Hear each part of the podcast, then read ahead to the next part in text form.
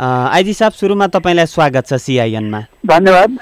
अझ जुन मानवाधिकार समितिमा पनि तपाईँ जानुभयो गृहमन्त्री लगायत यो क्षेत्रमा काम गर्ने सबै सरकारी निकाय गएको स्थिति थियो होइन? त्यहाँ चाहिँ एउटा अब तपाईँहरू कहाँ पुगिसकेका छ कि थाहा छैन तर हामीले जानकारी पाए अनुसार नेपाल प्रहरीमा दलित सेल अथवा दलित कक्ष खोल्नुपर्छ खोल्नका लागि निर्देशन दिने भन्ने कुरा गरेका छ। त्यो चाहिँ जानकारी प्राप्त भइसक्यो कि भएन यहाँहरूलाई? होइन खासै अब मैले त्यो जानकारी प्राप्त गरे चाहिँ गर्नु सकेका चाहिँ छैन। त्यहाँ महिला तथा बालबालिका र ज्येष्ठ नागरिक कक्ष त चाहिँ नेपाल प्रहरीमा छ। दलित सेल सेल छ कि छैन थाहा भएन भन्ने प्रश्न उठेको थियो। अनि दलित सेल हामी कहाँ अहिलेसम्म स्थापना भएको अवस्था होइन भन्ने चाहिँ कुरा चलेको थियो। र पछि गृहमन्त्रीज्यूले भन्दाखेरि चाहिँ अब यो पनि एउटा सुझाव छ अब के गर्न सकिन्छ हामी पछि सोध्छौँ भन्ने कुरा भएको थियो। त्योदेखि बाहेकका कुराहरूको जानकारी प्राप्त हुन सकेका छैन भोलि। तपाईँ अब नेपाल प्रहरीको महानिरीक्षक भएको हिसाबले यो नेपाल प्रहरीमा चाहिँ दलित कक्ष स्थापना कतिको सम्भावना छ? अथवा यहाँहरूले त्यो गर्न सकिने नसकिने स्थिति चाहिँ के छ? होइन यस्तो छ साधन र स्रोत र नेपाल सरकारले त्यसलाई आवश्यकता महसुस गर्यो भने त त्यो नसकिने भन्ने प्रश्न चाहिँ हुँदैन। त्यसमा दरबन्दी थपका कुराहरू र साधन स्रोतको व्यवस्थापनहरू गर्नुपर्छ।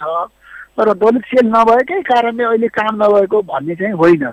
र हामी कहाँ जस्तो अहिले भेदभाव भेदभाव तथा छुवाछुत विरुद्धको ऐन पहिला दुई हजार अडसठी थियो अहिले पछि आएर चाहिँ दुई हजार पचहत्तर संशोधन पनि भएको अवस्था चाहिँ छ। र यसमा हामीले महिला बालबालिका ज्येष्ठ नागरिक तल तथा दलितहरूलाई चाहिँ पहिलो प्रा प्राथमिकतामा राखेर उहाँहरूकै काम कारवाहीहरू अगाडि बढाउने कामहरू चाहिँ गरेका हुन्छौँ र गरिराखेका छौँ। र हामीले आफ्नो आन्तरिक विभागीय प्रयोजनको लागि पनि त्यो ऐनमा भएका कुराहरू राखेर अनुसन्धान अधिकृतहरूलाई चाहिँ प्रशिक्षण दिने काम गर्छौँ। र अनुशिक्षण चाहिँ दिन्छौँ।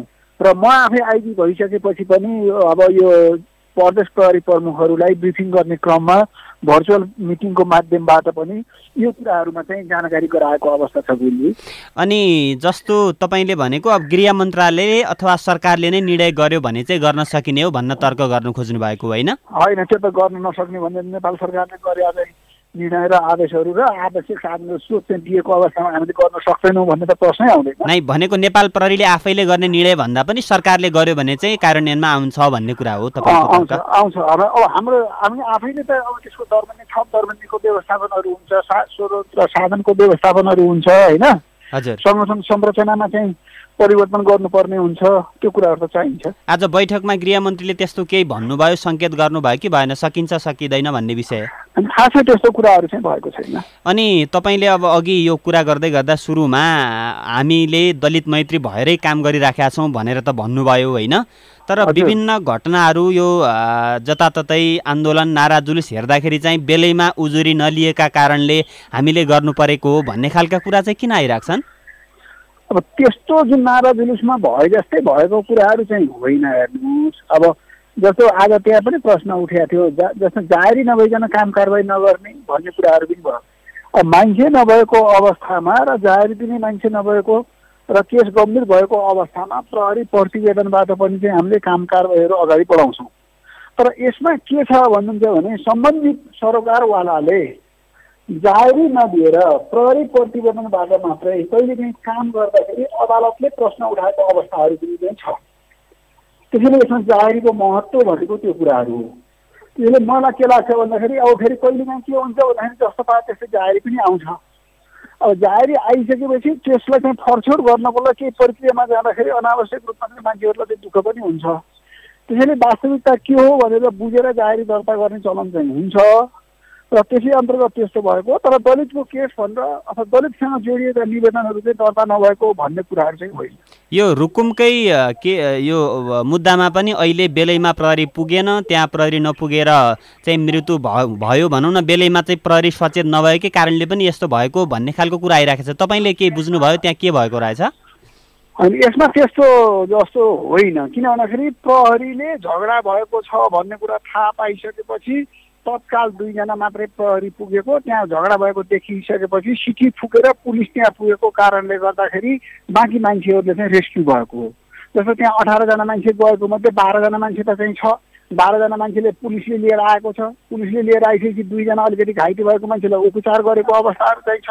र उपचार गरिसकेपछि सम्बन्धित मान्छेलाई जिम्मा लगाउनु भनेर जिल्ला प्रहरी कार्यालय बाजे के अरे उता जाजरकोटमा पठाएको अवस्था चाहिँ छ।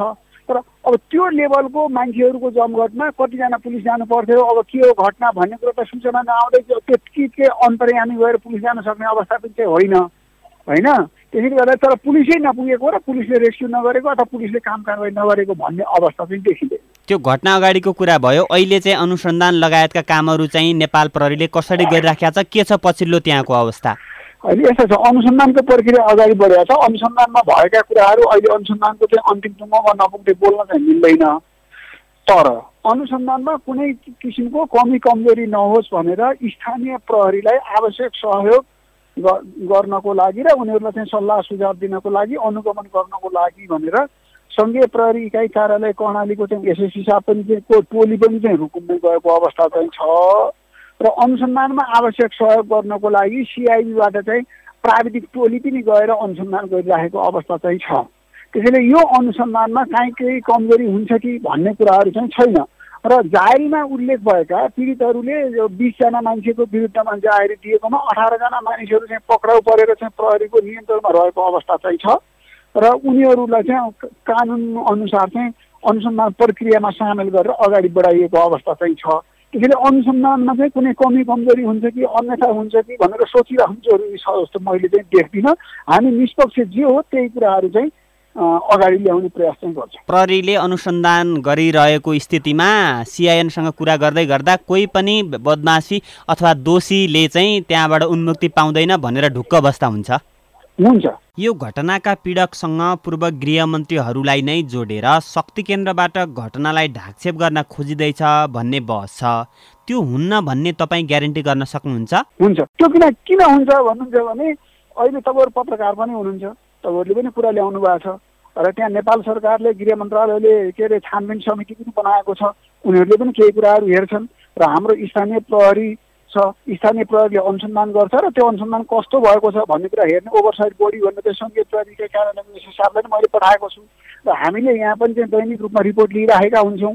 भनिसकेपछि यसमा दाहिने हुन सक्ने अवस्था त छँदै छैन। दाहिने बायाँ भयो भने त दाहिने जो प्रहरी अधिकृतले जो प्रहरी कर्मचारीले गर्छ उसको खैरियतै छैन। ऊ आफै कार्य के अरे कार्यवाहीको भागीदार बन्छ। भनेपछि उसले आफ्नो वृत्ति विकास र आफ्नो क्यारियरलाई धरापमा हालेर कसैको लागि सटिकिन जान्छ? त्यो त सम्भावनै रहँदैन। तपाईँको कार्यकालमा अब जातीय छुवाछुतका कुनै पनि मुद्दामा जोडिएको व्यक्तिले उन्मुक्ति पाउँदैन भन्ने हो यसको मतलब होइन? पाउँदैन पाउँदैन त्यो हुन्छ हस् धन्यवाद तपाईँलाई। हस् धन्यवाद।